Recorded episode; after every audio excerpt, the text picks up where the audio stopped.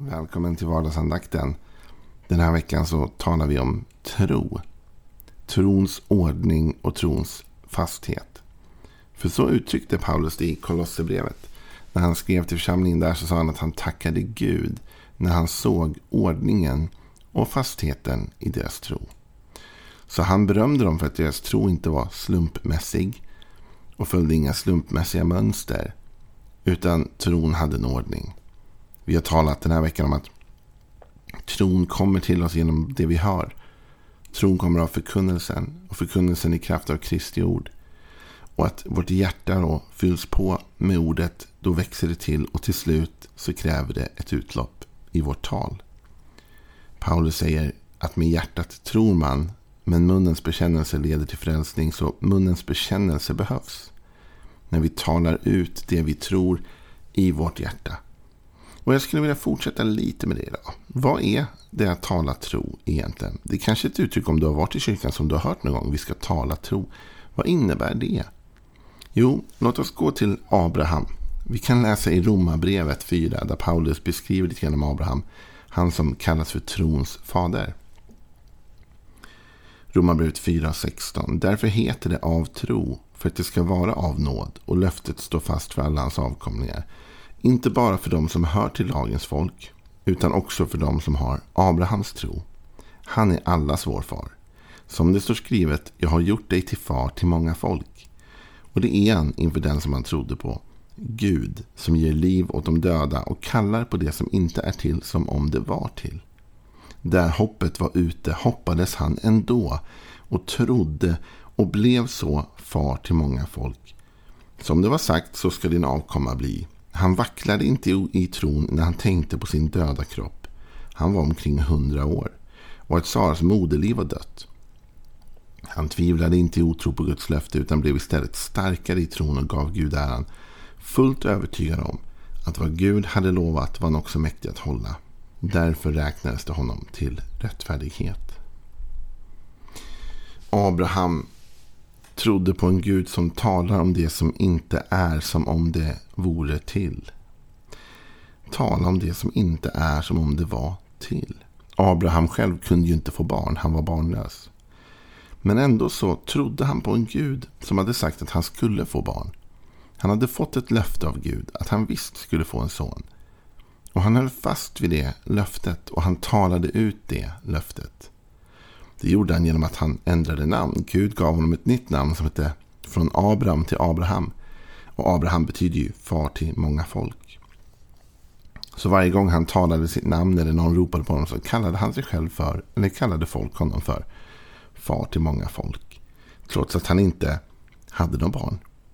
Han talade i tro. Han var fast övertygad, står det, att det Gud har sagt, det kan Gud göra. Det här handlar inte om någon blind tro på vad som helst. Utan det här handlar om tro på Guds ord, vad Gud har sagt. Gud hade lovat Abraham något. Och Gud har gett dig och mig också en massa löften i Bibeln. Och när vi läser de löftena och vi talar ut de löftena, oavsett hur våra omständigheter ser ut, då talar vi tro. Vi talar om det som kanske ännu inte är som om det redan vore till. Vi talar om framtiden. Så här fungerar ju Gud hela tiden. Vi måste förstå det och det är därför som Paulus också tar upp det. Gud som talar om det som inte finns till som om det redan vore till. I skapelseberättelsen enligt Bibeln, i första Moseboken, så kan vi läsa några verser och se hur det här fungerar. I första Mosebok 1 och 1 står det I begynnelsen skapade Gud himmel och jord. Jorden var öde och tom och mörker var över djupet och Guds ande svävade över vattnet. Gud sade, var det ljus och det blev ljus. Gud såg att ljuset var gott och han skilde ljuset från mörkret. Vet du? Här står det att Gud skapar himmel och jord. Och det står först en ganska dyster beskrivning av hur läget var. Jorden, den var öde och den var tom. Och mörker var över djupet. Alltså, det är inte en jätterolig bild. Det var mörkt och det var tomt och det var öde. Och Gud kunde ju valt att säga det. Och hade han sagt det så hade det varit sant. Gud kunde ha sagt världen är öde och den är tom och, den är, och det är mörkt här också. Han kunde ha talat ut de här negativa sakerna. Men han gör inte det. Utan i en mörk, öde och tom värld så talade Gud ett ljus. Ett ljus som ännu inte fanns. Men han talade. Han sa var det ljus och det blev ljus. Så här funkar tron. Du och jag vi ställs varje dag inför valet att tala om hur vår värld ser ut. Och det är lätt att göra. Det är lätt att tala om att ja, idag var en jobbig dag, idag var en svår morgon. Idag händer det här och det här. Alltså negativa reflektioner bara över vår vardag. Och jag antar att om du är som jag så har du negativa reflektioner du kan göra. Jag menar, jag är en av de mest positiva människor jag känner. Jag är väldigt positiv för det mesta. Men även jag kommer ibland in i sådana här perioder då man lätt bara kan reflektera över det negativa. Men Gud reflekterade inte över det som var öde, tomt eller mörkt. Utan han talade i ljus. Och det här är utmaningen för dig och mig vad gäller tron. Att tala om det som inte är som om det redan vore till. Att när vi känner att det är svårt på jobbet så börjar vi tala positivt om jobbet. Jag tror att det kommer bli fantastiskt här på jobbet framöver. Jag tror att de problem vi har kommer lösas. Jag tror på en ljus morgondag. Och när det är jobbigt i vårt äktenskap så försöker vi tala positivt om vår partner. Alltså jag älskar min fru och det kommer, alla våra problem det kommer lösa sig. Gud är med oss. Jag tror att vi kommer bli bättre på det här och bättre på det här. Och så börjar vi tala det vi vill se. Eller likadant med vår ekonomi när det är jobbigt så kan vi börja tala positivt om det vi ännu inte ser. Istället för att säga att ah, pengarna räcker aldrig till. Så kan man säga jag vet att Herren är min herde. Mig ska inget fattas. Jag vet att han kommer försörja för mig med sin härliga rikedom i Kristus Jesus. Jag ser det inte just nu, men jag vet att det kommer ske. Likadant med vår hälsa. Ibland när vi är sjuka och mår dåligt. Det är så lätt att bara tala om det. Hur ont det gör och hur jobbigt det är och hur tufft det är.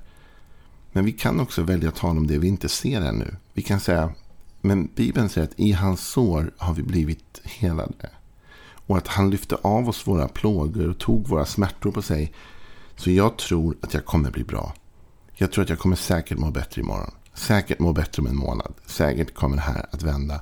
Och så talar vi tro. Vi talar om det vi ännu inte ser. Som om det redan fanns till. Det är så Gud gjorde. Det är så Abraham gjorde. Det är så apostlarna gjorde. De talade ständigt om det som skulle komma. Vid ett tillfälle talar Paulus om hur förföljda de har varit och hur jobbigt det var. Men så säger han, men Gud räddade oss genom allt detta. Och han kommer att rädda oss ur alla prövningar. Det vet ju Paulus ingenting om egentligen. Men han litar på Guds ord och löften och han talar om en framtida Gud fortsatt kommer ta hand om honom och hjälpa honom. I andra Mosebok försöker Gud, nej första Mosebok kapitel 2 försöker Gud lära Adam det här.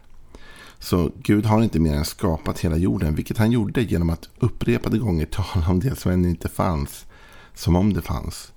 Och det blev. Så kommer vi till första Mosebok kapitel 2, vers 18. Herren Gud sa, det är inte bra att mannen är ensam. Jag ska göra en medhjälpare åt honom, en som är hans like. Herren Gud hade format alla markens djur och himlens alla fåglar av jord han förde fram dem till mannen för att se vad han skulle kalla dem. Så som mannen kallade varje levande varelse, så blev dess namn. Alltså, det första Gud gör är att hjälpa Adam att sätta ord på saker, sätta namn på saker. Vad kallar du det där Adam? Vad kallar du det där djuret? Vad kallar du det där? Jag tror att det finns en lärdom här för dig och mig. Att på samma sätt som Gud skapade sin värld med, och vår värld med sina ord. Så vill han att vi ska lära oss att sätta ord på saker. Och tala tro. Tala det vi ännu inte ser som att det var. Det står att i samma stund som Adam gav någonting ett namn så blev det namnet. liksom. Han såg något som såg ut som en elefant. Vad vi tycker var så här, men det är en elefant. Och det blev det. och vet du, så där med mycket i ditt och mitt liv kommer du märka att det du och jag sätter ord på och förlöser vår tro i. Det blir så. Om du ständigt talar om att ditt liv är jobbigt, om du ständigt talar om att ditt arbete är värdelöst, din familj är dålig, din ekonomi är kaos. Du vet, du bara föder mer av det där. Men om du istället väljer ett aktivt val, att ja, du kan se att jorden är öde, mörk och tom, men du väljer att tala om ljus istället. Då ger du Gud en möjlighet att verka i ditt liv. Och jag skulle vilja att du och jag förlåt, vågade göra det. vågade tala liv. Vågade tala det vi ännu inte ser som om det fanns till. Jesus, han var oerhört insatt i det. Och det är precis det han gör. Igår läste vi om fikonträdet. Då. Vi läste inte dock hur det gick till när Jesus förbannade fikonträdet. Jag tänkte vi kan läsa det. Markus 11, vers 12. När de dagen därpå gick från Betania blev han, alltså Jesus, då hungrig. På långt håll såg han ett fikonträd som hade gröna blad. Och han gick dit för att se om han skulle finna något på det. Men när han kom fram till trädet fann han inget annat än blad, för fikonens tid var inte inne. Jesus sa till trädet, aldrig mer ska någon äta frukt från dig. Och hans lärjungar hörde det. Det Jesus säger till trädet är, han talar om dess framtid. Det här är ett träd med gröna blad. Det ser ut att leva, eller hur? Men Jesus säger, aldrig mer ska någon äta frukt från dig. Och dagen efter så läser vi vidare så här, trädet har dött. Jesus talar om det som ännu inte var som om det var till. Och i det här fallet var det ju negativt. Han förbannar trädet och trädet dör. Men du och jag, vi kan så in goda saker i vår framtid. Vi kan tala om det som inte är som om det redan var till. Du och jag har den möjligheten, den makten. Om vi bara fyller vårt hjärta först med Guds ord, vi lyssnar in det Gud säger, vi låter predikan bygga tro i vårt hjärta. Och det är i vårt hjärta, när vårt hjärta sen har kapaciteten att tro, då talar vi också ut detta. Vi talar ut om framtiden. Alltså Abraham var så övertygad i sitt hjärta om att han skulle bli pappa en dag, att han vågade tala ut det med sin mun. Precis som Gud talar om det som inte är som om det redan vore till. Jag vill utmana dig till det. Ändra ditt språk. Våga förändra det. Våga tänk annorlunda. Om du alltid talar negativt om någonting, försök att prata positivt om det. Och även om det inte finns något positivt att säga nu, försök med dina ord skapa en positiv framtid. Kanske är det så att dina ord ger liv åt något som ännu inte finns. Men som kommer att finnas. Och som kommer att ha betydelse i människors liv. Jag vill uppmuntra dig till det. Och jag vill inte att du ska känna dig fördömd. För jag vet själv precis hur lätt det är att glida in i det negativa talet. Och hur svårt det är att ibland hålla upp den här positiva bilden om omvärlden och livet. Men ändå så uppmanar Bibeln oss till detta. Att likt Gud tala om det som inte är som det redan var till. Att likt Gud välja att inte fokusera på det öde, tomma och mörka. Utan istället tala ljus in i vårt liv och in i vår värld. Välj dina ord. Ta det som en lärdom idag. Tänk dig för vad du säger. Säg inte det mörka negativa. Tala det ljusa goda. Välj att skapa en framtid. Och hur gör du det? Du gör det genom att tala tro om framtiden och tro om dig själv. Imorgon så ska vi fortsätta se lite grann vad är det och vem är det egentligen som vi ska tro på och ha vårt fokus på. Men det tar vi imorgon. Ha en välsignad dag så ses vi då.